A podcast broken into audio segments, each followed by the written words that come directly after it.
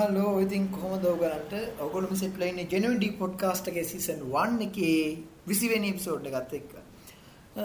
ඉතින් මුලින්ම හැමදාමත් කියන වගේ මට ආයෙමත් කියන්නලා තියෙනවා දෙසැම්බර් මාසේ ජනවාරි අද 15 වෙනිදා ගැන සති දෙකක් යනකොනුත් මට පොඩ්කාස්ට් එකක් ඇත්තටම දාන්න උන්නේ හැබැයි මම හිතනවා මම ආටිකල් වලින් ඊට පස්සේ තව තව දේවල් ගොඩක් තියෙනවා ඔයගොල්ලොත් එක්ක කතා කරන්න.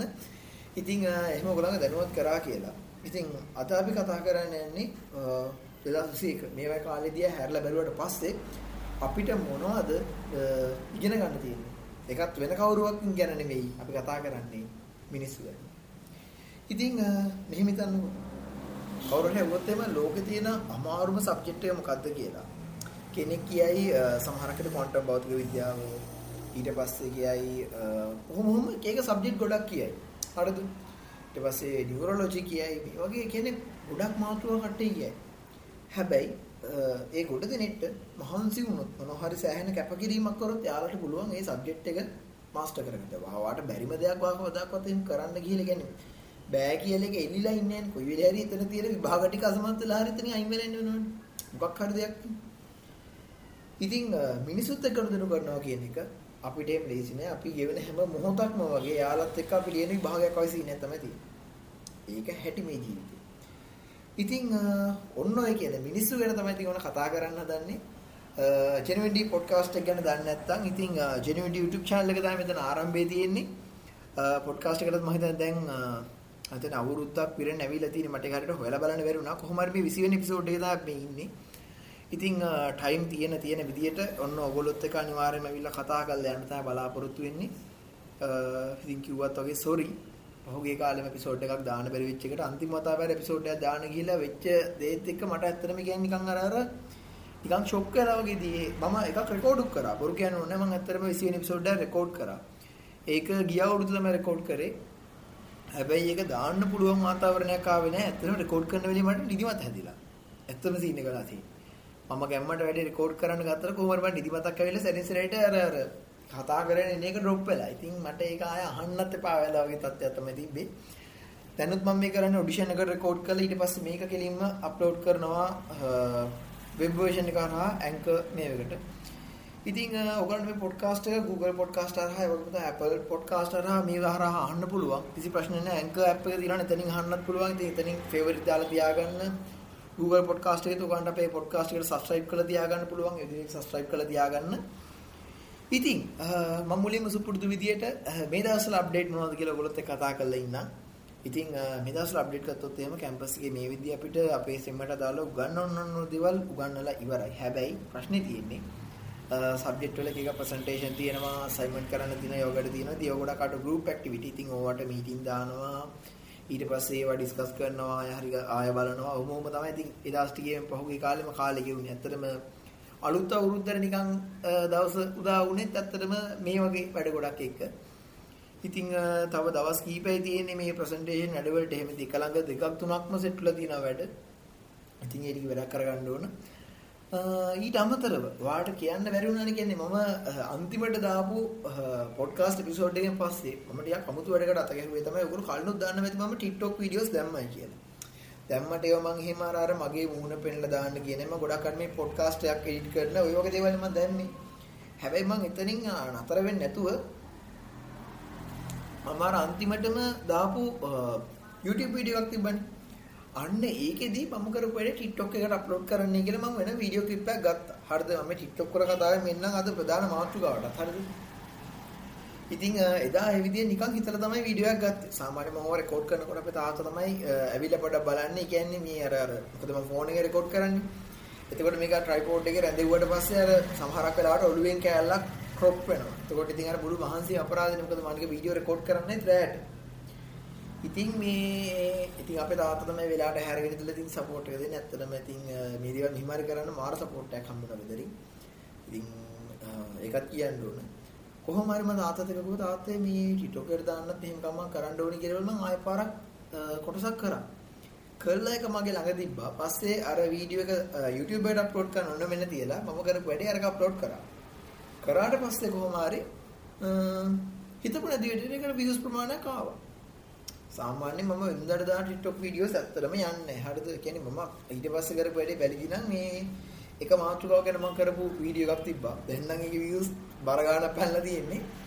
ඒක මම ඔය අර අර ෆ්‍රී වීඩියෝස් අපිට ගන්න පුළුවන් සයිට් තියෙනවා පික්සල් එකෙන්ද මම දන්නේ මම ඔන්නෝම අරන් එඩිට් කරලා ගත්ත එක. අකට YouTube සයිස් මොකද මේ TikTok සයිස් එකට. අපිට අර අදාළ සයිස් එක දෙන්න පුළුවන් දැන් අපි YouTube වලද මොකද අපි දාන්න කියන එකට අනුව අපිට ගන්න පුළුවන් රෙඩ් කරලා. ওই විදිහට දාපුවා. ඒකට views තිබ්බේ නැහැ. පස්සේ ඔය Elon Musk ගැන එහෙම දාපු එකක් තමයි අන්තම් හරි views තිබ්බේ. sorry පස්සේදී මම තීරණය කරා හරියන්නේ නැහැ. මේක දැන් දැම්ම හැබැයි ඒක හිතමුණ දිහේ views ගියා. ඊට පස්සේ මම කරපු වැඩේ TikTok වලට මේ කිරිවලා වෙනම මගේ මූණ පේන්නම මම වීඩියෝස් කරා. මොකද ඇත්තටම TikTok වලට වීඩියෝස් දාන කලින් මම සෑහෙන්නේ කියන්නේ අර අර ටෙන්ෂන් නැති තැනක් තමයි මේකේ තියෙන අර අර මේකේ කමියුනිටි එක කොහොම වැඩේ බාරගන්නේ. කට්ටිය මට අනම්මනම් කියාවේද. හරිද? මොකද YouTube කමියුනිටි එක වගේ නෙමෙයි මේ TikTok එකේ තියෙන කමියුනිටි එක ඇත්තටම හරි වෙනස්. ඒකෙත් ලංකාවේ ඔඩියන්ස් එක හරිම වෙනස්. ඉතින් ඒක ඇත්තටම කියන්නේ නෝට් එක දෙයක්. ඉතින් කොහොම හරි අන්තිමටම වීඩියෝස් දාන්න නම් මේවා සෑහෙන්න යන්න ගත්තා. අර වාහන මතක ඇති මම මේ මොකද ඊශ්‍රායලයේ මොසාඩ් උත්සවයට වැරදුන තැන කියලා මම අර 10th man theory ගැන වීඩියෝ එකක් කරා. ඒක ගියපු විදිය මටවත් හිතා ගන්න බැරුණා. ඒ කියන්නේ ඒකේ දැනටත් TikTok එකේ ඒකේ views කියලා දෙන 7000 ගන්න. මම දන්නේ මේ වීඩියෝ කොහොම ගියාද කියලා. ඉතින් ඔය hashtag දාන්නේ ඒවත් ගන්නට බලලා දැම්මා. කොහොම නැති කොහොම හරි එක හිතපු නැති විදිහේ කියන්නේ මේ සාර්ථකත්වයක් ආවා. ඉතින් මේ වෙද්දි TikTok එකේ followers ලා දන්න තරමින් 890 ගාණක් වගේ තියෙනවද දැන් 900ට බොහොම කිට්ටු කරලා තියෙන්නේ. ඉතින් ඒක පට්ට හැපි ඉතින් ඇත්තට මේ කියන්නේ ෆලෝ කරලා සපෝට් එක දීපු කට්ටියට සෑහෙන තෑස් කරන්න ඕන මොකද පහුගිය කාලේ මේ කියන්නේ මේ වැඩත් එක්ක එන කියන්නේ ඉදිනදා ජීවිතයේ ස්ට්‍රෙස් එක මාර විදියට රිලීස් කරගන්න පුළුවන්. ඉතින් අර වගේ වීඩියෝස් කරනකොට. මොකද ඩේලි මම අප්ඩේට් කරා ඇත්තට මට සමහර තැන් කීප විතරයි මට මේ වීඩියෝස් දාන්න බැරි වුණේ ඒ නැතත් මම කොහොම හරි මම මට පුළුවන් විදියට මම ෆිල්ම් ගැන ඊට පස්සේ සයන්ස් කන්ටෙන්ට් ගැන මේවා ගැන ගොඩාක් දේවල් කතා කරා. ඉතින් ඔය ගොඩක් අයට මත තියෙන ප්‍රශ්නයක් මෙයාද සයන්ස් කන්ටෙන්ට් කරනවා කියලා අපි නිකම්ම සයන්ස් ගැන මුකුත් එහෙම කරන්නේ ඒ වගේ එකක් තියෙන්නේ නිකන් බලන්නකො. ඒ වගේ එකක් තියෙනවා සමහරවිට. ඇත්තටම මම කරන්නේ දැන් විද්‍යාව ගැන හරිද බරපතල වචන ගොඩක් කියලිවලා එකපාරට අපි දමල ගැහුවොත් එහෙම ඕක ඔඩියන්ස් එකේ ඉන්න එකේ සයන්ස් වලට ආස කරන ඒක නිකන් ඇඟේ දුවන වගේ 110ක් වගේ ප්‍රමාණයකට තමයි ඔක ඇත්තටම ඇබ්සෝබ් වෙන්නේ. හරිද? ඒ අරනකොට විද්‍යාත්මක දේවල් වලට ආස කරන ඒ දේවල් ගැන හිතන්න කැමති සෙට් එකක් අනිවාර්යයෙන්ම එළියේ ඉන්නවා. හරිද? ඒගොල්ලෝ මේ විද්‍යාව ගැන ඩිග්‍රී කරන එහෙම මිනිස්සු වෙන්න ඕනේ නැහැ. හැබැයි ඒව ගැන ආස ගන්න කට්ටිය ඉන්නවා. එතකොට එයාලට ගොඩක් වෙලාවට දෙයක් කියන්න පාවිච්චි කරන්න පුළුවන් පහසුම ක්‍රමවේද මොකක්ද? මම දකිනවා සිනමා, කියන්නේ ෆිල්ම් වගේ දේවල් මේ වගේ දේවල් ඒකට හොඳ උදව්වක් සපයනවා කියලා. ඉතින් අර අපේ ජීවිතේ බොහොම මොකක් හරි අපිට හැමෝටම වගේ ඒ කියන්නේ සංවේදී වෙන දෙයක් පාවිච්චි කරලා හැමෝටම වගේ තේරෙන දෙයක් පාවිච්චි කරලා මේ දේවල් ගැන කතා කරන එක තමයි මගේ ආසාව තියෙන්නේ. අන්න ඒකයි මම මේ හැමතිස්සම කියන්නේ. අර විද්‍යාව ගැන ජීවිතය ගැන වෙනස්ව කතා කරනවා කියන්නේ. මොකද අපි අර කතා කරන අර ටිපිකල් ෆ්‍රේම් එක ඇතුළේ ඉඳලා අපි කතා කරනවා නම් ඒක හැමදාම අපි එකම තැනට කොටු වෙන්නේ නැවිලා. ෆිල්ම් එකක් ගැන කතා කරත් ඒක ගැන අපි දාන්න පුළුවන් බර වචන ඔක්කොම ටික දාලා නිකන් දමල ගහන එක මම හිතන්නේ ඒක ලොකු දෙයක් කියලා. හැබැයි මේ දේවල් ගැන ආස කරන පොඩි කෙනෙක් වෙන්න පුළුවන්. ඒ ගැන ආස කරන ලොකු කෙනෙක් වෙන්න පුළුවන්. එහාට මේ ගැන හොයන්න, කතා කරන්න. අන්න එහෙම ඒ කියන්නේ ඒ පුද්ගලයාට තියෙන පොටෙන්ෂල් එකට අපිට දෙයක් දෙන්න පුළුවන් නම් එයාලා හිතන දෙයට දෙයක් දෙන්න පුළුවන් අන්න ඒක පට්ට. ඉතින් ඔය විදිහට TikTok එකේ කොහොම හරි සෑහෙන සපෝට් එකක් ආවා. ඒකින් channel එකට සෑහෙන හොඳ එළියක් වුණා. මොකද ඔයගොල්ලෝ දන්නේ නැති අපේ අපේ Twitter එක ඊට පස්සේ මම දන්නේ Instagram එක FB එක YouTube එක ඔයවා ගොඩක් දේවල් අපේ TikTok account එකකට නේ ලින්ක් කරන්න පුළුවන්. ඉතින් අතර මම ඔය අර අර TikTok trend කරන්නවත් ඊට පස්සේ එක filters දාලා කරන්නවත් එහෙම මොකුත් නැහැ. මම සාමාන්‍යයෙන් මගේ content කරගෙන යන විදියම සාමාන්‍යයෙන් ෆෝන් එකේ නිකන් front cam එක දාලා ඉවරලා වීඩියෝ කරගන්නවා. ඊට පස්සේ ආනික මම අර Lightroom එක ගත්තා. ඉතින් ඒකිනු සෑහෙන support එකක් හම්බුණා මේ වැඩවලට. ඉතින් හරිම සතුටින් ඒ වැට්ටික් කරගෙන ගියා. කොහොම හරි මම සාමාන්‍යයෙන් ඔය TikTok එක ඇසුරින්ම මම එන ආද මාතෘකාවට මිනිස්සු කියන සෙට් එක ගත්තාම පස්සේ මම දැක්ක ඔය කවුද සන්නස් ක්ලස් එමත් කියනවා ලංකාවේ මිනිස්සුන්ගේ තියෙන ඒකේ ජීවිතේ නිකන් හරස් කඩක් දකින්න ඕන එක TikTok එකේ දකින්න පුළුවන් කියලා. මේ කතාවට එක එක කමෙන්ට්ස් තියෙන පුළුවන් කට්ටිය. හරිද? කියන්නේ එක එක විදිහේ කියන්නේ අපෝ නෑ ඔය කුවට ඇයි ඒගොල්ලෝ මිනිස්සු තමයි එහෙම කියලා තියෙන්න පුළුවන්. ඇත්තටම TikTok කරා මම දකිනවා මිනිස්සුන්ගේ අපේ රටේ මිනිස්සු විශේෂයෙන් ඒගොල්ලන්ගේ ජීවිතේ තිබ්බ අපි එකපාරට එළියට නොදකින පැත්තක් අපි දකින්න ගත්තා කියලා. මොකද Facebook පාවිච්චි කරන්න බයයි කියන මිනිස්සු පවා. හරිද මන් දන්නේ අපේ තියෙනවා කියන්නේ මාර විදිය කියන්නේ බොරු බියක් Facebook සම්බන්ධ. ඒ කියන්නේ නිකන් සමහරක් කෙල්ලෝ එහෙම හිතන් ඉන්නවා නිකන් Facebook ගහ Facebook වලට ඒගොල්ලෝ ෆොටෝ ගදාපුවම මේ හිට යාලා මේ කවුරු හරි උස්සගෙන යයි වගේ සීන් එකක් තියෙනවා. මෙහෙමයි. ලෝකේ එහෙම නගරක් තියෙනවා ඈ. කියන්නේ මෙතන තියෙන එහෙම සීන් නැහැ ඒගොල්ලෝ බොරු බියක් තමයි ඇති කරන් තියෙන්නේ. බය වෙන්න ඕන දේවල් තියෙනවා නැත්තේ නෑ. ඒ වුණාට මේ ඒක හරි තේරුම් ගන්න අමාරුයි. ඉතින් එහෙම මිනිස්සු පවා අන්තිමට මේකට සෙට් වුණා.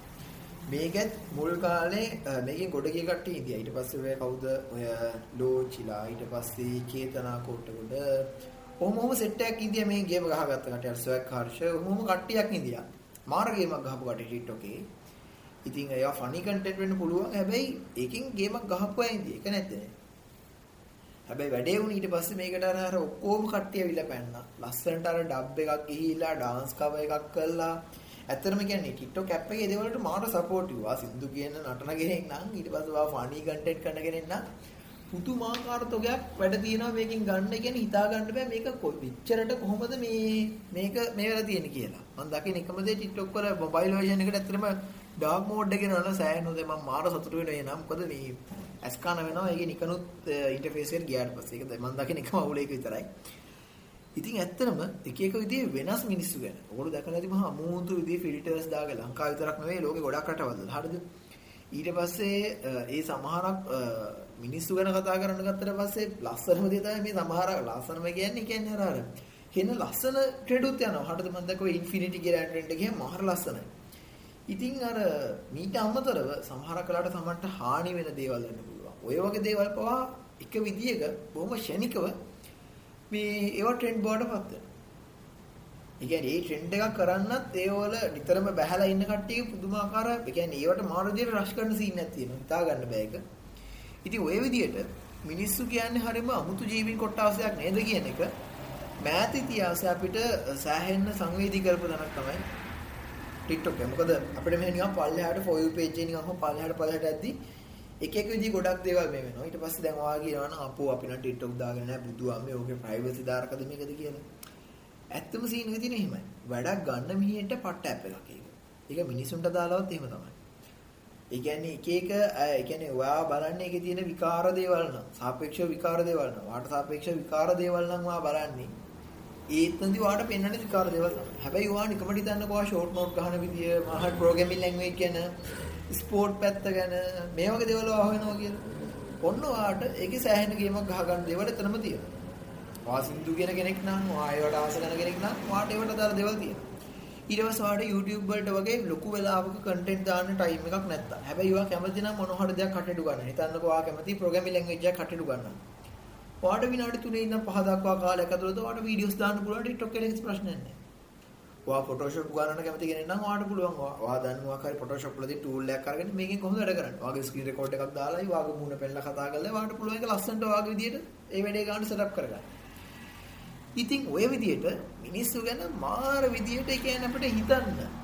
ඊට පස්සේ මේ හිතන්න පොයින්ට් ඇති කරපුවා නැත්තම් ඔයගොල්ලෝ දැකලා තියෙන ගොඩාක් වෙලාවට මීම් රිවිව් වල මණියගේ මුල්ම වීඩියෝ වල බලන්න ගිය TikTok වල ඉන්න අමුතු ජීබීන් කියනම මේ මුලින්ම මාත් අතරම TikTok වල ওই දේවල් තමයි මම දැක්කේ. ඒක මට ඒක හිතාගන්න බැරුණා යකෝ මෙච්චරම ටොක්සික් ක්‍රින්ජ් මිනිස්සුද මේ ලෝකේ ඉන්නේ කියලා.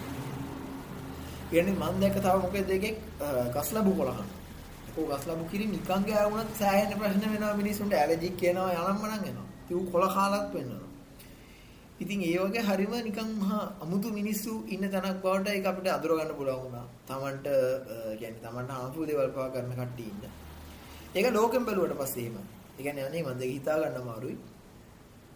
ඉතින් කොහොම හරි ඔය මිනිස්සු ගැන සීන් එකේදී මම දැක්ක ඔය අපිට නිකන් මිනිස්සු ගැන වෙනස් විදිහට හිතන්න පොළොව කවුරුද තමයි 2021 කියන්නේ. ඒක අපේ ලයිෆ් වලත් එහෙමයි. මටත් ඔය යුනිවර්සිටි එන්න සිද්ධ වුණා. එතකොට මේ දේවල් එක්ක කියන්නේ ඉච්චර කාලයක් අර කොරෝනාත් එක්ක ගෙදරට වෙලා ගියපු ජීවිතේක හිම්පිලි වෙනස් වුණා. දැනටත් ඔන්ලයින් කරන ඉඳ ඇත්තටම ඉතින් ගෙදර තමයි ඉන්න සිද්ධ වෙලා තියෙන්නේ. මගේ වොයිස් එක මේ දවස්වල ටිකක් අවුල් ඒ කියන්නේ ඔය කට්ටියත් කතා කරනවා වැඩි වෙලා ඊට පස්සේ කෑ ගහලා වැඩි වෙලා කොහොම හරි වොයිස් එක සෑහෙන අවුල් ඒ හින්දා මේ මේ වගේ කතා කරන ලාග මට සැරිසරේට උණු වතුර බොන්න සිද්ධ වෙනවා. ඉතින් කොහොම වුණත් ඔයගොල්ලෝ කතා කරන්නේ සෑහෙන්න ඔළුව රිලැක්සන් සීන් එකක් තියෙන මම හිතනවා ඔයාලටත් මේක එහෙම ඇති කියලා. ඉතින් කොහොම හරි අර විදියට අපිට අලුත් කට්ටිය ගොඩක් අඳුර ගන්න සිද්ධ වුණා. එතකොට ඒගොල්ලොත් එක්ක වැඩ කරන්න, ඒගොල්ලොත් එක්ක ගමන් යන්න. ඉතින් මේ දේවල් ගොඩක් කරාට මම දකිනවා අපිට මිනිසුත් එක්ක අඳුර කර දෙරීම අමාරුම දෙයක් තමයි මීට කලින් ඔයා කතා කරලවත් කතාවද hina වෙලවත් නැති දැකලවත් නැති කෙනෙක් එක්ක ඔන්න මාළුත් යනවා මේ කතා කරන්න සිද්ධ වෙනවා. ඒක ඇත්තටම හරිම අමුතු අත්දැකීමක්. ඒ කියන්නේ ගොඩාක් අය මේක හරිම නර්වස්. ඒ කියන්නේ තමන් දන්නේ නැති ස්ට්‍රේන්ජර් කෙනෙක් වෙන කෙනෙක් එක්ක කතා කරන එක. මොකද සමහරක් ඇයි දාගන්න බැර ඔමෙගලීස් වීඩියෝස් වල එහෙම ඒ කියන්නේ ඊළඟට අපිත් එක්ක කතා කරගෙන ඉන්න එක මොකාද කියලා දාගන්න බැරුව කොහොමද මිනිස්සුන් කතා කරන්නේ කියලා. මම දන්න සමහරක් කට්ටිය ඉන්නවා ඒගොල්ලන්ට දන්නේ නැති නම්බර් එකකින් කෝල් එකක් එනක පව පට්ට නර්වස්. එනික සෙට් වෙන්නේම නැහැ. එහෙම ඒවා ආන්සර් කරන්නේ නැති එහෙම වේ කෝල් එහෙම ඩරස් ගාලා කට් කරලා දාන්න එපා ඉන්නවා. එක විදිහක රිස්ක් එකක් තියෙනවා කවුරු අඳුරන කෙනෙක්ට මොකක් හරි කරදරයක් වෙලා එයා එයාට ෆෝන් එක නැති වෙලා හරි එයා ඔයාලට කතා කරලා දැන් නැතුව ප්‍රශ්නයක් වෙන්න පුළුවන්. ඊට පස්සේ ඔය එක එක ආයතන වලින් කතා කරලි වල අර මේ මොකද්ද ආයුබෝවන් කියලා පටන් අර මල විකාර කියවන්නේ. අන්න එහෙම දේවල් තියෙන්නත් පුළුවන්. හරිද? ඉතින් අර අර කොහොම හරි ඒ වගේ කියන්නේ අර අපිට එකපාරට සෙට් වෙන අමාරු දෙයක් තමයි අපේ ජීවිතවල අලුත් කට්ටිය හම්බෙද්දී කනදෙනු ගන්න එක. මේක මටත් යුනිවර්සිටියදී තිබ්බා. දැන් නම් ඉතින් දෙයියනේ කියලා සෑහෙන ආලු ප්‍රමාණයක් ඉතින් ඇහැට දැකලා නැති වුණත් අඳුරන කට්ටිය ඉන්නවා. ඉතින් ඒගොල්ලොත් එක්ක කතා කරලා තියෙනවා. ඉතින් ඒගොල්ලොත් කෝල් ගන්නවා, මෙසේජ් දානවා. ඊට පස්සේ මගේ ඔය තියෙන වීඩියෝස් එමේ ෂෙයා කරලා පට්ට සපෝට් එකක් දෙනවා කැම්පස් එකේ කට්ටියත්. ඉතින් ඒක මටත් මුලින් මේ කියන්නේ මටත් මුලින්ම මේ කට්ටිය හම්බෙද්දී ඒ කියන්නේ ඒ නර්වස් ගතිය ඇත්තටම තිබ්බා. බොරු කියන්න ඕනේ මට ඒක තිබ්බා සෑහෙන. හැබැයි ගොඩක් දෙනෙක් හම්බුනාට පස්සේ හම්බෙලා කතා කරන ඒ කියන්නේ හම්බෙච්ච අයත් ඒ කියන්නේ ඒක සෑහෙන ඒ කියන්නේ අර මන් දන්නේ කියන්නේ අපි ඕන කෙනෙක් එක්ක කතා කරන ඉඳද කියන මට තේරෙන්නේ නැහැ. හැබැයි ඒ ගොඩ දෙනෙක් එක කතා කරලා ඉතින් අද වෙනකොට සෑහෙන සෙට් එකක් ඉන්නවා. ඉතින් මේ දේවල් වලට සපෝට් කරන එහෙම ඇත් ඉන්නවා. ඉතින් යාළුවා මේ අනිවාර්යයෙන් මතක් කරන්න ඔක්කොටම තෑන්ක්ස් හොඳ ඊට පස්සේ ඊට තමතර මම දන්නේ නැතුව මේ පොඩ්කාස්ට් එක අහන. හරිද මාව 60වත් දකන්නද පොඩ්කාස්ට් එක අහන ඔයගොල්ලෝ ගොඩ දෙනෙක් ඉන්නවා. ඉතින් එයාටත් සිරාවටම රෙස්පෙක්ට්. මොකද ඔයගොල්ලෝ මාව හරියට දන්නේ නැතුව මේ දේවල් අහගෙන ඉන්නවා මම කියන දේවල් වලට වටිනාකමක් එක් කරන කට්ටිය තමයි ඔයගොල්ලෝ. ඉතින් මම දැක්ක මම උනට කරගෙන යන දෙයට සෑහෙන්න මාව පුෂ් කරන මේ දේවල් වලට මැසේජ් දාලා මේ දේවල් එක කතා කරන ඊට පස්සේ පේජ් එකට මැසේජ් කරන මේ හැමෝම ඉතින් මතක් කරන්න ඕන Instagram උනත් මේ මැසේජ් දාන කට්ටිය ඉන්නවා. ඉතින් සමහරක් වෙලාවට කෙලින්ම මට මැසේජ් දාන ඇති ඉන්නවා. ඉතින් මාර සතුටක් එන්නේ ඕගොල්ලන්ගේ අදහස් දකිනකොට මේ මේ දේවල් ගැන කතා කරන්නයි එහෙම කියලා කියන කට්ටිය ඉන්නවා.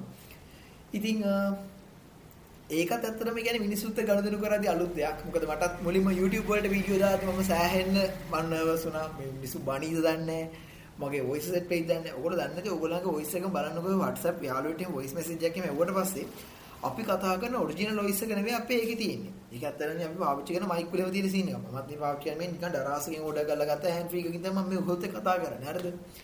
ඉතින් මේ වල තියෙන අපේ ඔරිජිනල් voice එක නෙවෙයි. ඉතින් ඒකට ඉතින් ඇත්තටම කාලෙකදී මේක අපේ මම ඇත්තටම PC එකත් එක්කම මයික් එකයි ඒ දේවල් සෙටප් කරගත්ත කාලෙක ඔන්න මගේ ඔරිජිනල් වොයිස් එකෙන් ඔයගොල්ලෝ කතා කරන්න පුළුවන් වෙයි කියලා මං හිතනවා. කොහොම හරි ඉතින් අර ඒ විදිහට මිනිසුත් එක්ක අපි දැකලා නැති කට්ටියත් එක්ක අනුදෙනු කරනවා කියන එක ඇත්තට හරි අමුතු දෙයක්. ඒ වුණාට මම ඒකේ තියෙන අමුතු ගතිය ආතල් එකකට ගත්තා. ඒ කියන්නේ මම කියනත් ඔයගොල්ලොත් එක්ක ක්‍රීච් කන්ටෙන්ට් බෙදා ගන්න කියන එක ඔයගොල්ලෝ කාටවත් අපහාස වෙන දේ දේවල් ෂෙයා කරගන්න කියන්නේ නැහැ. වැරදි මිත්‍යාව තියෙන තැන් වලට ඇත්තට මේ කියන්නේ ඒක වැරදි කියලා කිව්වා. බොරු කියන්න ඕනේ නැහැ නේ. වැරදි දෙයට වැරදි කියන්න පුළුවන් ඉන්න බෑනේ. මොකද අපි දෙයකට වැරදි කිව්වට පස්සේ මිනිස්සු තරහ වෙයි කියලා හිතලා එතන ඉන්නවා කියන එක මම හිතන්නේ ඒක ඕකේ කියලා. පුළුවන් තරම් කට්ටියට ඇත්ත මොකක්ද මොනවද වෙන්නේ කියන එක ගැන කතා කරන්න තමයි ඉතින් එතනදී මම බලාපොරොත්තු වෙන්නේ. ඊට පස්සේ ඔය 2020 අවුරුද්ද ගැන මාරම අයිඩියා එකක් ආපු මූවි එකක් තමයි Don't Look Up කියන්නේ. ඉතින් ওই මූවි එක ගැන මම ආටිකල් එකකුත් ලිව්වා. ඒ වගේම තමයි මේ අවුරුද්දා මුල්ම ආටිකල් එක. ඊට පස්සේ TikTok වීඩියෝ උත් කරා. ඉතින් ඕක ඇතුළත් සෑහෙන්න මිනිස්සු ගැන මාර කියවීමක් ගන්න පුළුවන් වුණා. මොකද ඒක බ්ලැක් කොමඩි එකක්. මිනිස්සුන්ගේ තියෙන ඔය ගොඩාක් දේවල් කියන්නේ දැන් එද්දි අපිට සෝෂල් මීඩියා හරහානේ ගොඩක් කරලා මිනිස්සුත් එක්ක ගනුදෙනු කරන්න වෙන්නේ. ඔයාට එදිනෙදා ජීවිතේදී වැඩ කරන තැන ඉගෙන ගන්න තැනක නැත්තම් වාගේ ක්ලයන්ට් කෙනෙක් වෙන්න පුළුවන්. ඔයාලට මේ ගොඩ දෙනෙක් එක්ක ගනුදෙනු කරන්න සිද්ධ වෙන්නේ මොකක් හරි තීරයක් කරා, ස්ක්‍රීන් එකක් කරා. එතකොට ඒක මොකක් හරි සෝෂල් මීඩියා ප්ලැට්ෆෝම් එකක් through තමයි කියන්නේ. සමහරකට ඒක Facebook වෙන්න පුළුවන් ගොඩක් වෙලාවට අපි කට්ටියත් එක්ක ගනුදෙනුකුත් තියාගන්නේ WhatsApp කරා හරියටම දන්නේ නැති ළඟා දුරක් නැති කෙනෙක් ගොඩක් අර Messenger එකක් කරා ඊට පස්සේ Insta message කරලා වෙන්න පුළුවන් නැත්නම් ඔය tweet දාලා එහෙම අඳුරන වෙන්න පුළුවන් මේ විදිහට නැත්නම් සමහරක් විට email හරහා අඳුරන හැත් ඉන්න පුළුවන් හරිද මේ විදිහට අපිට මිනිසුත් ගනුදෙනු කරන්න ලදින මේ අලුත් කාලේ. ඒ කියන්නේ මේ අපි මේ ඉන්නේ 21 සියවසේ 21 සියවසේ දශක දෙකක් ඉක්මවලා ගිය තැන. මේ ඉන්නේ ඒ කියන්නේ දශක දෙකකුත් තව කාලයක් ගිහිල්ලා. ඒතකොට දැන් අවුරුදු 21ක් ගිහිල්ලාම තියෙනවා මේ කියන්නේ 21 සියවසේ. ඉතින් 21 සියවසේ අවුරුදු 21ක් ගෙවිච්ච තැන ගෙවෙන කාලේ තමයි අපි ජීවත් වෙන්නේ. ඒකට මෙතනදී අපිට මිනිසුත් එක්ක සෝෂල් මීඩියා හරහා අපිට ගනුදෙනු කරන්න සිද්ධ වෙනවා. ඒතකොට මේ Don't Look Up movie එකෙත් හරිම ලස්සනට පෙන්නනවා. ඕලක තැනක දැකලා ඇති දවල මන්දිරය ඇතුළේ ඉන්න ජෙනරාල් කෙනෙක්. අරද මේ හින ලොකු තනතුරක් දරන මිනිසෙක් ඒ කියන්නේ කිසිම ෆ්‍රී දෙන දේවල් වලට පවා ගාණ කඩා ගන්න කටයුතු ගන්න කොහොමද? ඔයගොල්ලෝ ෆිල්ම් එක බලද්දි මේ කියන කාරණා ක්ලික් වෙයි. මොකද්ද එතන වෙන්නේ කියලා. ඉතින් ඒ විදිහට අර ඒ කියන්නේ ඉහළම ස්තරේ ඉඳන් පහළම ස්තරේ දක්වා කට්ටිය කොහොමද මිනිසුන්ගේ හැටි ස්වභාවය කියන එක අපිට තේරුම් කරන තැනක් තමයි ඩෝන්ට් ලුක් අප් මූවි එක. ඉතින් ඔයාලට ඒක බලන්න ඕනේ නැත්නම් අනිවාර්යයෙන්ම බලන්න. ඕවලට මිනිස්සු ගැන පට්ට කියවීමක් ඔළුවට ගන්න පුළුවන් හරිම සරල විදියට. හිතන්න එපා අනේ මේක කොමඩි කිව්වට කවුද යකෝ කියන්නේ මට කොමඩි කියලා. මේවට hina යන්නේ නැහැ එහෙම කියලා. මේවට ඇත්තටම hina යන්නේ අපිට අඬන්න යන සීන් වලට අපිට hina වෙන සිද්ධ වෙලා තියෙනවා. ඔගන් මම කන්නු කීපවදා කියලා දෙන Black Mirrors කියන TV series එක ගැන අනිවාර්යව ඔයගන්ට රිවිව් එකක් ගේන්නම් කියලා. හැබැයි ප්‍රශ්නේ උනේ යාළුවනි. මට තාම මේක බලන්න ඉවර කරන්න සිද්ධ වුණේ නැහැ. තියෙන වැඩත් එකම TV series පා බලන්නලා තියෙන දවසට එක එපිසෝඩ් එකක් ගන්න වගේ. ඉතින් ඒක එක විදිහට කරුණා කනගාටුට කරුණා මොකද ඉස්සර ෆිල්ම් ඩේසිස් බලද්දි ඔහොම නෙවෙයි කියන්නේ මට මතකයි කවණක් මං Pirates of the Caribbean film පහම එක දිගට බැලුවා. ඒක ඔයගොල්ලන්ට එක්ස්පීරියන්ස් කරන්න පුළුවන් අර ෆකින් එක්ස්පීරියන්ස් එකක් කියලා කියන්න පුළුවන්. මොකද ඒක කෙලිම ඔළුව හැක් වෙන වැඩක්. පට්ට කරලා බලන්න. එනාත මේ කොහොම හරි ඩොට් ලුක් අප් මූවි කියන එක හරහා ඒක ඒ මූවි එක හරහාත් මට දැන් මේ දැක ගන්න පුළුවන් වුණා මිනිස්සුන්ගේ කියන එක එක ස්තරවල ජීවත් වෙන මිනිස්සුන්ගේ තියෙන වෙනස්කම් මොන වගේද කියලා. ලෝකෙට කරදරයක් එදී ලෝකයේ ව්‍යසනයකට මුහුණ පාද මිනිස්සු කොහොමද වෙනස් වෙන්නේ? මේක ඔයගොල්ලන්ම හිතනවා කොරෝනා කාලේ සෑහෙන දැනෙන්නේ නැති කියලා. ඕගොල්ලෝ දකින්න ඇති ගිය අවුරුද්දේ අපිට එක්ස්පීරියන්ස් ගන්න සිද්ධ වුණා. ගිය අවුරුද්දේ ඊට කලින් අවුරුද්දේ මට මතක නැහැ. කොහොමද මේ 20 21 කියන අවුරුදු දෙකේදී කොරෝනා හැදිලි වල හොස්පිටල් වලින් පැනලා ගියව මිනිස්සු ඉදියා. හරිද? පැනලා ගිය මිනිස්සුන්ට සත්තුන්ට වගේ ගහලා කරලා ඒගොල්ලන්ව බාර දීපුවා ඉන්දියා. තමන්ව නිරෝධායනට අරන් යන්න ආපු PH අයට කෙල ගහව මිනිස්සු ඉන්දියා. හරිද? කන්න නැතුව හොරකම් කරපු ඒ කියන්නේ පොල් ගෙඩියක් හරි ගන්න ආපු මිනිස්සෙක්ව නිර්වත් කරලා බල්ලෙට්ට වගේ පහර දීලි වල එහෙම මේව කරපු කට්ටියත් ඉඳියා. එතකොට මිනිස්සුන්ගේ හැටි ස්වභාවය අපිට දවසින් දවස ටීවී එක හරහා සෝෂල් මීඩියා හරහා අපිට දකින්න සිද්ධ වෙනවා. හොඳට බලන්න Facebook වගේ වල පවා ඒ කියන්නේ සමහරක් වෙලාවට සමාජයේ කලබවන දේවල්. ඔයගොල්ලෝ දන්නේ නැති ඒවට වෙනම රිපෝට් එකක් වදින මේ වගේ දේවල් වලට කියන්නේ අර කියන්නේ අපේ සමාජය කුපිත කරන මට්ටමේ දේවල් සෑහෙන ප්‍රසිද්ධ ටීවී channel වලින් පවා දාන කැප්ෂන් උත් ඒ විදිහට තමයි දාන්නේ. ඒ කියන්නේ දැන් ඔයගොල්ලෝ කියන්න පුළුවන් යකෝ ඒ වගේ දේවල් දැනෙන්න දාන්න ඕනේ එහෙම කියලා. නෑ. ඕගොල්ලෝ පුළුවන් නම් බලන්න social dilemma කියලා තියෙනවා ડોකියුමන්ටරි එකක් Netflix ලා කරපුවා. මම කියනත් මගේ එක වීඩියෝ එකක් මම කතා කරලා ඉතින් according to genuine වීඩියෝ එක කතා කරලා ඉතින් ඔය Elon Musk ගැන කතා කරපු එකේදී එතනදිත් මම කතා කරා අපි හිතන්නේ නැති විදිහට මේ සෝෂල් මීඩියා ප්ලැට්ෆෝම් වලින් අපිව ට්‍රිගර් වෙන දේවල් හරි ලස්සනට අපිට ගේනවා. මේක ඔයාලට තේරුම් ගන්න පුළුවන් ඔයාලට ඔටෝ රෙකමන්ඩ් වෙන Facebook වීඩියෝ සෙට් එකක් බලාගෙන යන්න. වීඩියෝ හරියට ඔයා පුළුවන් වෙලාවක ෆ්‍රී ටයිම් එකක් අල්ලගෙන සාමාන්‍ය දවසේ ඔය කන්ටෙන්ට් යන වෙලාව තියෙනවනේ. හවස 5ත් 7ත් අතර ඔය කාලය තුර බලන්න ඔයාලට මොන වගේ වීඩියෝ ප්‍රමාණයක් හදකින් හම්බෙනවද කියලා පුළුවන් නම් ඔයාලට පුළුවන් සෝෂල් එක්ස්පෙරිමන්ට් එකක් කරලා බලන්න. ඔයාට ඔටෝ රෙකමන්ඩ් වෙන වීඩියෝ. ඒ කියන්නේ ඔයා ෆලෝ කරලා නොටිෆිකේෂන් ඉල්ලලා තියෙනව නෙවෙයි මම කියන්නේ. ඔයාට ඔටෝ රෙකමන්ඩ් වෙන වීඩියෝ වල මොනතරම්නම් ක්‍රින්ජ් දේවල් තියෙනවද කියලා. ඉතින් මේ දේවල් ඇත්තටම කියන්නේ අර අපේ දින සමාජයේ කුපිත කරන දේවල්. එතකොට මේ දේවල් හරහා අපිට එකට එකක් වෙනස් විදිහේ මිනිසුත් එක්ක ගනුදෙනු කරන්න හම්බ වෙනවා. දවස ගානේ අපි නොදැනුවත්වම අපි මීට ගානේ හම්බෙලා නැති මිනිස්සු සමහරකට FB එකේ මේ මොකක් හරි කමෙන්ට් සෙක්ෂන් එකේ හම්බෙන මිනිස්සු වෙන්න පුළුවන්. මේ වගේ ඇත්ත ගනුදෙනු කරන්න වෙනවා.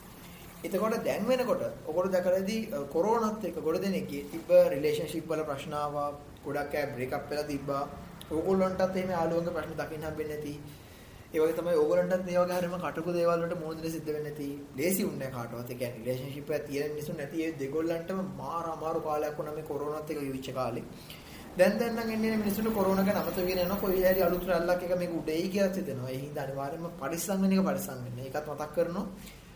කොහොම හරි දැන් වෙද්දී අපිට මිනිස්සුත් එක්ක අනුදෙනු කරන්න වෙලා තියෙන්නේ අර කිව්ව විදිහේ තිර හරහා. එතකොට තියෙන සීන් එක තමයි අපිට ඔයගොල්ලෝ දන්නවා ඇති කෙනෙක් එක්ක එයාව හම්බෙලා කතා කරන්න ඕන දෙයක් ෆෝන් එකේ කතා කරන එක සමහරකට සාර්ථක වෙන්න පුළුවන්. හරිද?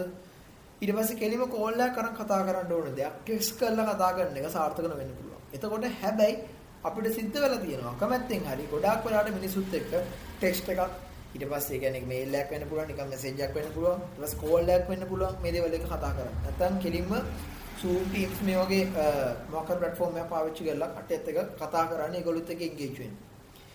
මේක ඇත්තටම කෙනෙක්ව ෆිසිකලි හම්බෙලා කතා කරනවා වගේ ලේසි නෑ. අපි ඉන්නේ අපිට කම්ෆර්ටබල් ඒරියා එක. තව කෙනෙක් ඉන්නේ ආට කම්ෆර්ටබල් ඒරියා එක ගොඩක් වෙලාවට. එතකොට අපි දෙකොල්ල අතර ඇති වෙන සම්බන්ධය මොකක් හරි තවත් ඒ කියන්නේ ඩිජිටල් මොන හරි දෙයක් හරහා තමයි තියෙන්නේ. එන්නේ එතකොට මිනිස්සුන්ගේ මිනිස්සු අතර තියෙන සම්බන්ධතා. ඒ කියන්නේ human bonds කියන ඒවා එක විදියක වීක් වෙනවා වගේ දෙයක් අපිට දැනෙනවා. මොකද අපි සමහරක් වෙලාවට හම්බෙලා අපි කියන්න ඕන දෙයක් හිතන්නකෝ උදාහරණයක් විදිහට හිතන්නකෝ කොල්ලෙක් කෙල්ලෙකින් කැමැත්ත අහන දෙයක් කියන මේක ඔයා ෆිසිකල් ඇහුවට පස්සේ ඇති වෙන තත්ත්වයයි. ඔයා ටෙක්ස්ට් එකක් විදිහට අහන එක ඇති වෙන තත්ත්වයයි. ඊපස්සේ ඔයා කෝල් එකක් දින අහන එක ඇති වෙන තත්ත්වයයි. මේවා එහිම් පිටින් එකට එකක් වෙනස් තත්ත්ව සමහර කට්ටිය දැකලා තියෙන්නේ මීම්ස් පවා දානවා. ඒගොල්ලෝ ටෙක්ස්ට් කරද්දි අර නිකන්ሄන පුම්බල ඇඟ තියෙන කෙනෙක් දාලා දෙනවා. ඊට පස්සේ කෝල් කරද්දි ඊට ටිකක් අඩු වෙනවා. ෆිසිකල් හම්බුනට පස්සේ ගොඩක් අයට කතා කරන්න ගැටගෙන ඇත්තට. මේක මම හිතනවා අහන්න ඉන්න ගොඩක් උන්ට සෑහෙන නැදගත්තේ කියලා මේ කෙලෙකින් අහන්න ඕන නම් ගටාරගෙන අහපන් අහන වෙන දෙයක් වෙන්න කියලා. මේ ඒකත් මතක් කරන ගම මේ ටික අතලයට කිව්වේ තන වෙලාව හරියට බලලා අහන එකක් අහපන් වැඩේ කෙලවගෙන මට බයින්න එපා. කොහොම හරි ඉතින් අර ඉතින් විතරම කියන්න තියෙන්නේ අපිට එහෙම වෙනස් මිනිස්සුත් එක්ක ගනුදෙනු කරන්න සිද්ධ වෙනවා ඒකට අදාළ මම ඔයගලන්ට එහෙම වෙච්ච හැටිත් පෙන්නුවා. ඊට පස්සේ ඒවා අපිට ගනුදෙනු කරන්න වෙන දැනුත් මම පෙන්නුවා. ඊට පස්සේ අපිට ගොඩක් අට දරා ගන්න අමාරුම දෙයක් තමයි මේ ලයිෆ් එකේදී මිනිසුන් සිද්ධ වෙන වෙනස් වීම. මේ කියන වෙනස් වීම පොසිටිව් අතර වෙන්නත් පුළුවන්, නෙගටිව් අතර වෙන්නත් පුළුවන්. ඇත්තරම දවසින් දවස අපි වෙනස් ඔයා මම නොහිතුව වුණාට ඔයා මේ වෙලාවෙත් බලන්න තීරණය කරන YouTube වීඩියෝ එකකින් වෙන්න පුළුවන්. ඔයා මේ වෙලාවේ නිකන් කියවන Facebook post එකකින් වෙන්න පුළුවන්. ඔයා මේ වෙලාව බලන ෆිල්ම් එකකින් වෙන්න පුළුවන්. ඔයාගේ ජීවිතේ සුළු හරි වෙනස්කමක් සිද්ධ වෙනවා. මේ වෙනස්කම් මොහොතින් මොහොත සිද්ධ වෙනවා. ඔයාගේ ජීවිතේ මොකක් හරි ටර්නින් පොයින්ට් එකක් නම් හිතන්නකෝ ඔයා කැම්පස් සිලෙක්ට් වුණා. නැත්නම් ඔයා අලුත් ජොබ් එකකට ගියා. ඔයා වෙන රටකට ගියා. ඒ තැන් වලදී අපේ ලයිෆ් එකේ වෙනස්කම් සිද්ධ මේ කියන වෙනස්කම් දරා ගන්නවා කියන එකත් ඇත්තටම ලේසි දෙයක් නෙවෙයි. මම කියන්නේ කීයටත් ලේසි දෙයක් කියලා. මිනිස්සුන්ගේ සිද්ධ වෙන වෙනස්කම් ගොඩාක් වෙලාවට සිද්ධ වෙන්නේ ඇත්තටම නෙගටිව් පැත්තට. හේතුව තමයි පොසිටිව් පැත්තට වෙනස්කම් අපි අතට දකින්නට. හරිද? මේ හිතන්නකෝ කෙනෙක් කෙනෙක් ජීවිතේ සතුටින් ඉන්න එක ඒක තව කෙනෙක්ට එකපාරක් දැක්කට පස්සේ ඉට්ස් ඕකේ. ආ මිනිහා නාතල්ලක ඉන්නවා. ආ එයා කසාද බෙදලා හිනා නාතල්ලක ඉන්නවා. ඔව් පොරට දැන් හරි ගිහිල්ලා. හැබැයි කෙනෙක් දුක් වෙන දෙයක් දැක්කොත් අපිට ඒ ගැන අවධානය යොමුනවා වැඩි. මේක අපේ මොළනුත් කරන දෙයක් මේක. ඉතින් එහෙම වෙලා අපි නොදැනුවත්වම වගේ මේ දේවල් එක්ක සෙට් වෙනවා. කියන්නේ අපේ නෙගටිව් දේවල් පේන ගන්නවා. අයියෝ බලන්න කොහර මනුස්සයා බ්‍රේක් අප් වෙලා. අයියෝ බලන්න කොහර මනුස්සයා ඩිවෝස් වෙලා. අයියෝ බලන්න කොහර ගොල්ලන් වෙලා තියෙන දේ. එහෙම කියලා අපි දකිනවා. හරිද? මේ විදිහට මිනිස්සුගේ ජීවිතවල තියෙන නෙගටිව් පැත්තට වෙනස්කම් අපිට දකින්න හා ඒව දරා ගන්න සිද්ධ වෙන අවස්ථා තියෙනවා. ඕගොල්ලොත් එක්ක හොඳට ෆිට්ලා ඉදී ආවලින් මොකක් හරි පිස්සු වැඩක් කරගෙන තිබ්බොත් එහෙම උගන්න දැනෙන්නේ දෙක කොහොමද? ඒක හරි අමාරුයි නේ දරා ගන්න. අයියෝ මේ මනුස්සයා මොකද්ද මේ කරගන්නේ? අපිත් එක මේ ඉදත් එකට ඉඳපු කෙනා. එහෙම කියලා අපිට දැනෙන අවස්ථා තියෙනවා. ඒ වගේ තමයි යාළුවෙක් මොකක් හරි ප්‍රශ්නයක් කියනකොට ඒක දිහා අහගෙන ඉඳලා මොකක්ද මේකට කරන්න පුළුවන් කියලා එයාට ඔප්ෂන් එකක් දෙන්න. එයාත් එක්ක කතා කරලා එයාට මානසික නිදහසක් ඇති කරන්න. මේ වගේ දේවල් අපිට මේ ගෙවෙන කාලෙදී අපිට කරන්න සිද්ධ වෙනවා. අඩද මේ ගෙවෙන කාලය ඇත්තටම අපි කාටවත් ලේසි නෑ. මේක අපේ රටවල් වලට මුණත් වෙන්න පුළුවන්, ලෝකෙට මුණත් වෙන්න පුළුවන්. හරිම ටෆ් කාලයක් තමයි මේ ගෙවන්නේ. හරිද? එතකොට මේ වගේ කාලෙක ඔය ඩිජිටල් ක්‍රම හරහා මිනිස්සුත් එක්ක සම්බන්ධතාව තියෙනකොට තියෙන එක කේස් එකක් තමයි අරග අපි ගොඩ දෙනෙක්ගේ තියෙන ඒ කියන්නේ ඒ වල ප්‍රශ්න එන්න තියෙන ඉඩකඩ සෑහෙන වැඩි. ඉතින් එහෙම කාලෙක මිනිස්සු කියන කට්ටිය සිද්ධ වෙනස්කම් තේරුම් ගන්නවා කියන එක ඇත්තටම ලේසි නෑ. ඒ කියන්නේ මිනිස්සු මොන අතරද වෙනස් වෙන්නේ සමහරක් අඩ අපිට හිතා ගන්න බෑ. ඇයි ඒගොල්ලෝ එහෙම උනේ කියලා අපිට හිතා ගන්න බෑ. කොතනද වැරදුනේ? කොතනද අවුල තියෙන්නේ කියලා හිතා ගන්න බෑ. මම දන්නවා ගොඩාක් කට්ටිය ඉන්නවා. උන් බූට් එකක් කාලා තියෙනවා. හැබැයි තමන් බූට් එක කාපු හේතුව අදටත් දන්නේ නැහැ. ඒ කියන්නේ මොකක්ද වුනේ කියන එක දන්නේ නැහැ. එක පැත්තක තියෙන්න පුළුවන් ඒ එක එක්කෙනා තමන්ගේ කතාව කියන්නේ තමන්ට තමන් නිවැරදි කියන තැන ඉඳලා. තමන් හරි කියන තැන ඉඳලා වෙන්න පුළුවන්. එහෙම අර ස්වයං විවේචනයක් එක එහෙම කතාවක් කරන මිනිස්සු හරිම අඩු වෙන සමාජෙ. එතකොට අන්න එතන ඒ වගේ තැනක තමන් නොකියන පැත්තේ අදාළ හේතු හැංගිලා තියෙන්න පුළුවන්. මම මේ කියන්නේ එහෙම දෙයක් නෙවෙයි. මිනිසුන් සිද්ධ වෙන වෙනස්කම් කියන දේවල් අපිට දරා ගන්න සිද්ධ වෙනවා. ඒක අමාරුවෙන් හරි අපිට ඒවත් එක ඕකේ වෙන්න සිද්ධ වෙනවා. හේතුව තමයි. මොකද ඒ කියන්නේ කවුරු හරි අපිත් එක්ක ඉඳපු කෙනෙක් වෙනස් වුණා කියලා. ඒගොල්ලන්ගේ ෂණික වෙනස් වීම සිද්ධ වුණා කියලා. අපිට ඒකත් එක්ක වොරි වෙවි ඉන්නවද නැත්නම් මේ ලයිෆ් එක ඉස්සරහට අපි ගෙවාගෙන යනවද කියන එක අපිට ගන්න වෙන තේරීමක්. ඉතින් සමහරක් වෙලාවට මේ සිද්ධ වෙනස් වීම දරා ගන්නවා කියන එක ලේසි වෙන්නේ නැහැ. ඒවා සෑහෙන අමාරු බොහොම ටෆ් කාල සීමාවලට මිනිස්සුන්ව ඇදලා දානවා. මම දැක්ක ඊයේ කාගේ හරි පෝස්ට් එකක් ෂෙයා කරලා තිබ්බ කවුරු හරි අපි හැමෝගෙම ඉන වෙද එකක් තියෙනවා කියලා. අපි හැමෝගෙම කියන්නේ ඇතුලේ සමහරක් වැසි කාලයක්, නියම් කාලයක්. ඊට පස්සේ හිම වැටෙන කාලයක්. මේ වගේ කියන්නේ අපි හැමෝගෙම ඇඟ ඇතුලේ. අපේ තියෙන මේ අපේ මෙන්ටැලිටි ඇතුලේ තියෙනවා. ඒ කියන්නේ කෙනෙක්ගේ ස්ක්‍රීන් එකක් තියෙන පුළුවන්, තව කෙනෙක්ගේ සම්බන්ධ එකක් තියෙන පුළුවන්, ওই වගේ වෙනස් වෙන්න පුළුවන්. පුළුවන් තරම් ඕගොල්ලන්ගේ ඇතුලේ තියෙන කියන්නේ ඔළුව ඇතුලේ තියාගන්න බලන්න මෙන්න මේ වගේ දෙයක්. ඔන්න ඔකට දැන් ඉමේජ් කරගන්න. හරිද? මේක මෙහෙම තමයි කියන්නේ ලේසිම. ඔයාට සාමාන්‍යයෙන් ඔයා දුවලා පැනලා කෑ ගහලා හැමෝමත් එක්ක ආතල් එකේ ඉන්න. ඕනම සීරියස් දෙයක්, ෆනි දෙයක් කතා කරන්න පුළුවන් මයින්ඩ්සෙට් එකක් තියෙන. මට එහෙම මයින්ඩ්සෙට් එකක් වෙන්නේ හොඳට පායන ඒ කියන්නේ නිකන් හිතන්නකෝ පායන උදේ 10ට විතර ඉරේලිය වැටලා තියෙන බීච් එකක් වගේ තැනක කියලා. මට එහෙම තැනක් මාර රිලැක්ස්. හොඳට හුලඟ තියෙනවා හැමෝමත් එක්ක හොඳට කතා කරන්න පුළුවන් හැම දෙයක්ම අපිට පේනවා.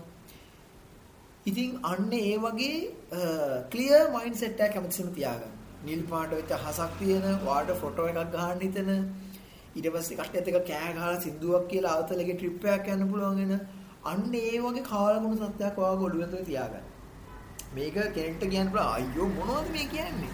ආතල්ලක ඉඳපන් කියලා. නෑ. ගොඩක් වෙලාවට වෙන මිනිසුන්ගේ වෙනස්කම් එක වගේම තමයි මේ කෙනෙක්ගේ වෙනස්කම් හින්දා අපේ ඔළුව ඇතුලේ ඇතිවන තත්වයක් අපිව සෑහෙන පීඩාවකට ඇතුළත දානවා. ඒක කොච්චර අපි නැහැ කිව්වත් අපිට ඒවට දවස ගානේ මොනද සිද්ධ වෙනවා. හරිද සමහරක් වෙලාවට අමාකරි වැඩකට ඔයාට අමාකරි ගෲප් වර්ක් එකකට වාගේ ඉන්න ටීම්මේට් කෙනෙක් ඉඳ වෙන්න පුළුවන්. බැච්මේට් කෙනෙක් ඉඳ වෙන්න පුළුවන්. වාර සෑහෙන අවුල් ගහන්න පුළුවන්. මේ වගේ කාලෙක ඒ වගේ දේවල් ඇත්තටම කොමන් දෙයක් බවට පත් වෙනවා. ඒ වගේම තමයි තමන්ට හිතන දේක් දඩෝම් ගාලා කියලා දාලා අනිත් කෙනාගේ මානසිකත්වය මොකක්ද අනිත් කෙනා මොනවා හිතයිද ඒ කියන්නේ අර ඒ දේවල් බිඳුවකටත් මායිම් නොකර එහෙම වැඩ කරන මිනිස්සු මේ සමාජයේ ඕන තරම් ඉන්නවා. ඉතින් අපිට ඒගොල්ලෝ කට්ටියත් එක්ක ගනුදෙනු කරන්න සිද්ධ වෙනවා. ඉතින් ওই දේවල් හින්දා ඒ වෙනස්කම් වලින් අපිව අවුලක් නොවන විදියට ඒ දේවල් මොනතරම් පිටත වෙනස්කම් සිද්ධ වුණත් අපේ ඇතුළත දේවල් අපිට දරාගෙන යන්න පුළුවන් විදියට අපි තියාගන්නවා. හරියට මේ ශීරපායන්ගේ පක්ෂීන්ගේ දේහාභ්‍යන්තර උෂ්ණත්වය.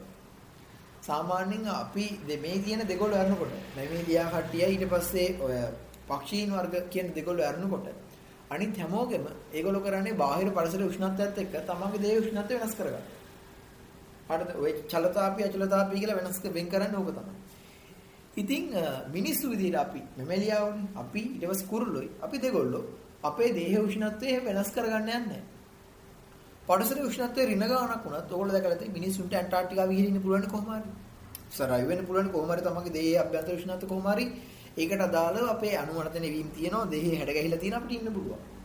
මෙන්න මේ වගේ වාගේ ඇතුලේ තියෙන කාලගුණේ වාගේ මයින්ඩ්සෙට් එකේ තියෙන කාලගුණේ වෙනස් කරගන්න නැතුව තියාගන්න බාහිර ලෝකෙ ඉන්න මිනිස්සු වෙනස් වුණා කියලා.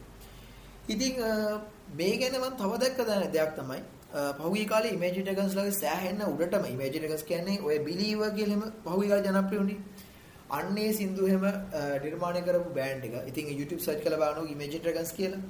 අන්න ඒගොල්ලන්ගේ ආකේන් සීරීස් එකට ඒගොල්ලෝ කරපු Enemy කියන සින්දුව වෙන මේ කියන Enemy කියන එක ඒකේ තියෙන ලිරික්ස් ටික බලන්න. එතන තියෙනවා අපි අපි වෙනස් වෙන මොහොතකදී සමාජය කොහොමද ඒක බාරගන්නේ කියන එක. ඒ කියන්නේ තනකවා මෙච්චර කාලයක් ඉරුව හරිම නෙගටිව් ජීවිතයක් කියන්නේ. වා තීරණය කරනවා. වා ඒ කියන්නේ පොසිටිව්. ඒ කියන්නේ මෙතන මේ කියන්නේ ධනාත්මක චින්තනය law of attraction ඊවත් මගුලක් නෙවෙයි මම කියන්නේ. වා මෙච්චර කාලයක් මොකක්වත් ජීවිතේ ටාගට් එකක් නැතුව ඉඳලා වා ටාගට් එකක් හදාන එකට වැඩ කරන්න ගන්නවා. සමහරක් විට වා වැඩ කරන්න හදන්නේ මොකක් හරි ඔන්ලයින් දෙයක වෙන්න පුළුවන්. ඊට පස්සේ වා මොකක් හරි try කරන්න හදන්නේ මොකක් හරි අලුත් දෙයක් වෙන්න පුළුවන්. හරිද? එහෙම දෙයකට try කරන්න වාගේ ජීවිතය වා ફોකස් කරගෙන ඒකට වා වාගේ කැලෙන්ඩරේ දින වෙන් කරගෙන ඊට පස්සේ මේ දේවල් වෙනවා plan කරගෙන සමහරක් විට අලුතින් පටන් ගත්තේ බිස්නස් එකක් වෙන්න පුළුවන්. මේ වගේ දෙයකට වා වැඩ කරද්දී ඔයාගේ සිද්ධ වෙනස් වීම, gedara වාසය කරපු යාළුවෝ, බාහිර සමාජය මේ දේවල් කොහොම දකීද කියන එක ඇත්තටම කොච්චර හිතු නැති වුණත් බලපෑමක් තියෙනවා. ඔයා කරගෙන යන වැඩකට ඔයාගේ ගෙදරින් සපෝට් කරනවා නම් ඒක ඔයාට ෆීල් වෙන විදියයි. ගෙදරින් සපෝට් කරන්නේ නැත්නම් ඔයාට ෆීල් වෙන විදිය ඇත්තටම දෙකක්. ඉතින් මේ කියන ඔයාගේ චේන්ජ් වීමක් හරිද? සම්මා මිනිස්සු විතරක් නෙවෙයිනේ. අපෙත් වෙනස්කම් ඇති වෙනවා. වෙන දැනුවත් වුණත් අපේ වෙනස්කම් සිද්ධ වෙනවා. එතකොට මේ දේවල් හොඳ අතර තියාගන්න අපි හැමතිස්සෙම try කරන්න ඕනේ. අනිත්‍ය තමයි. අපි ආශ්‍රය කරව මිනිස්සු මොනතරම් වෙනස් වුණත් අපේ වෙනස් නොවි අපිට පවත්ව ගන්න පුළුවන් දෙයක් තමයි මෙමරිස් කියන්නේ. මෙමරිස් වල තියෙන එකම වෙනස් වීම තමයි. ඒක අපිට අමතක වෙලා යන්න පුළුවන් කාලෙකින්. ඉතින් පුළුවන් තරම් ලයිෆ් එකට හොඳ මෙමරිස් එකතු කරගන්න. ඔයා කොහරි ගමනක් ගියත් කාවරි හම්බුණත් ඒ හැමතැනකදීම ඔයාගේ ලයිෆ් එකට හොඳ මෙමරිස් එකතු කරගන්න. මොකද මෙමරිස් තමයි අපිට කවදා හරි දවසක ඇනලයිස් කරලා බලලා අපිට සතුරු වෙන්න පුළුවන් දෙයක් ඉතුරු වෙන්නේ. ඒකට ඔයා හොඳ දෙයක් කළා වායක පින විදියට අර්ථ දක්ව ගන්න ඕන. නැත්නම් ඒක හොඳ වැඩක් විදියට අර්ථ දක්ව ගන්න ඕන. ඒක කමන්න. ඒක වාගේ choice එකක්. කොහොම හරි ලයිෆ් එකට හොඳ මෙමරිස් එකතු කරගන්න. මොකද මිනිස්සු කියන දේ, ලෝකේ කියන දේ, සමාජය කියන දේ මොනතරම් වෙනස් වුණත් ඔයාට සතුරු වෙන්න පුළුවන් දේවල් දෙක එකතු වෙන්නේ අර කිව්ව මෙමරිස් විතරක් ඉඳලා. අනිත්‍ය තමයි ලෝකයේ මොනතරම් වෙනස් වුණත් ඒ වෙනස් වීම වලට සාපේක්ෂව ඔයා ඉන්නවා නම් ඒ කියන්නේ ඔයා එහෙම වෙනස් වෙන්න යන්නේ නැතුව ඔයා ඒ රැලි වලට යන්නේ නැතුව ඔයා ඉන්නවා නම් ඔයාට වාගෙන හිතලා සෑහෙන සතුරු වෙන්න පුළුවන්. ඉතින් අනිත්‍ය තමයි මේ වගේ කාලෙක පුළුවන් තරම් අර කිව්වා වගේ වාගේ ඔළුව ඇතුලේ තියෙන වෙද එක හොඳ මට්ටමින් පවත්වා ගන්න. ඒක වා හිතුවේ නැති වුණාට සෑහෙන වැදගත් මම පුළුවන් වුණොත් ඔය සීන් එක ගැන මම ආටිකල් එකකුත් තියලා දාන්නම්. ඉතින් ඔන්න ඔය විදිහට තමයි මට කතා කරන්න ඕනේ මිනිස්සුන් සිද්ධ වෙන මේ වෙනස්කම් කියන දේ ගැන.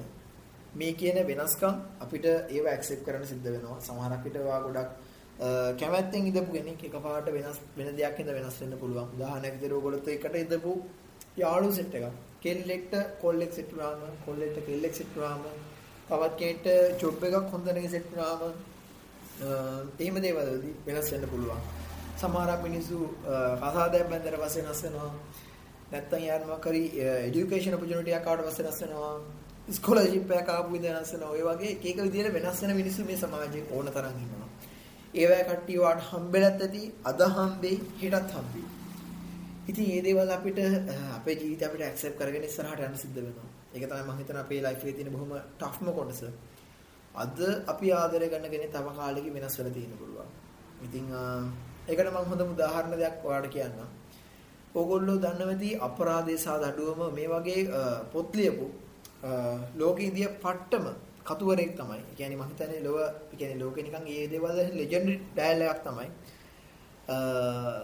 මට යාගේ නම මතක් වෙන්නේ මේ වෙලාවේ මොකක්ද? මොකද දෝතෝස්කිද? මම මතක නැහැ. ඒ කියන්නේ අපරාධ සඳහන් පොතේම ලියපු එක්කෙනා. දෝතෝස්කි වගේ තමයි යාගේ නම එන්නේ මතක විදියට. ආ ලියෝ තෝස්තෝයි. අන්න හරි සෝරි ලියෝ තෝස්තෝයි. ඉතින් මෙයා ලෝකීදිය පට්ට කතුවරෙක් මම ඉඳලා තියෙන රෂියාවල. ඉතින් මේ කතුවරයා සෑහෙන සල්ලි තිබ්බ කෙනෙක්. ස්වභාවයෙන් එයාට සල්ලි තිබ්බ කෙනෙක්. යාගේ තාත්තා වතු හිමියෙක්.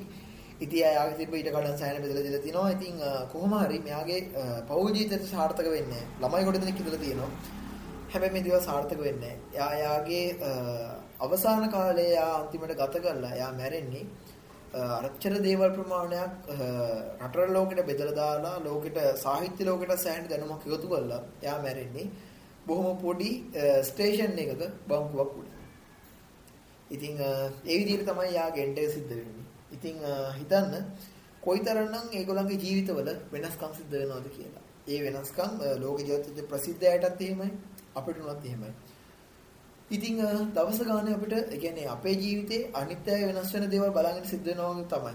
ඒ තව කෙනෙක්ගේ සිද්ධ වෙන වෙනස්කමක් දරා ගන්න බැරුව තවත් අපි අඳුරන කෙනෙක් සිද්ධ වෙන වෙනස්කම් පවා අපිට බලාගෙන සිද්ධ වෙනවා. මේවල ලිමිට් එකක් නැහැ. ඉතින් මේ දේවල් ඇක්සෙප්ට් කරන්න ඇක්සෙප්ට් කරලා දෙනින් ඉස්සරහට යන අපිට සිද්ධ වෙනවා. ඉතින් ඒක තමයි මේ ලයිෆ් එකේ ඇති. කොහොම හරි ඕගොල්ලෝ මේ දවස්වල කරගෙන යන්න තියෙනවා නම් ඒවා මේ අවුරුදු අපි දැන් අලුත් අවුරුද්දක් මේ උදා වෙලා තියෙන ඉතින් මේකේ දැන් සති දෙකක් ගිහිලා අද 15 වෙනිදා ජනවාරි මම මේක අද හවස අප්ලෝඩ් කරන්න.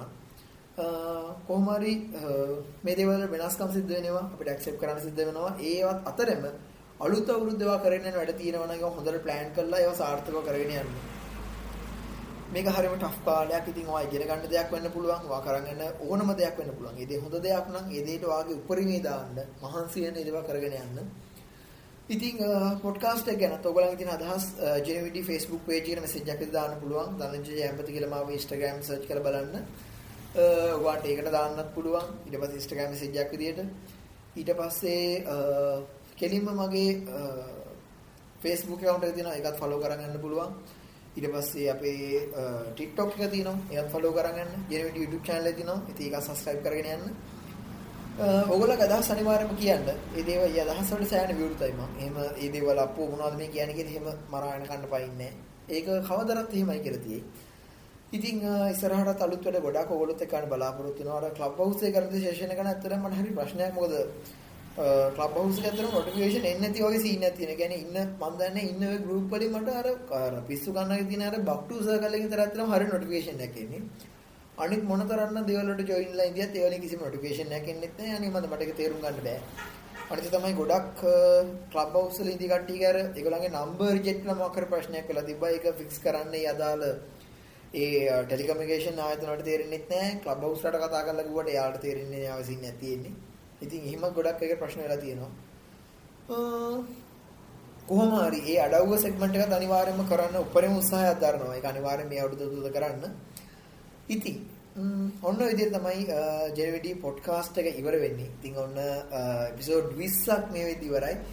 ඉතින් අද මේ දේවල් එක ජොයින් වෙන කට්ටිය ඉන්නවා නම් ඉතින් අර මුලින් කිව්වා වගේ ඔයාලට ඒ ඕන platform එක මේ ඒක අහන්න පුළුවන්. කෙලින්ම Google එකේ ජෙනවිඩි කියලා search කරන්න Facebook page එකද channel එකද ජෙනවිඩි පොඩ්කාස්ට් එකද මේ සේරම දේවල් එනවා.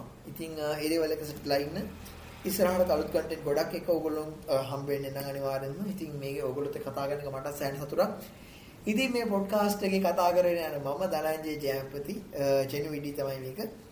ඉතින් එහෙනම් මේ පොඩ්කාස්ට් අහන යාළුවින ගොඩට ෂෙයා කරගෙන යන ජීවිතය ගැන විද්‍යාව ගැන වෙනස් කතා කර ජෙනුවිඩි පොඩ්කාස්ට් එකේ සීසන් 1 එකේ එපිසෝඩ් 20 තමයි මේ ඉදිරි ඉවරලා යන්නේ. එහෙනම් තවත් අලුතරක හම්බෙමු. ජය හැමෝම පරිස්සමෙන් ඉන්න. good luck.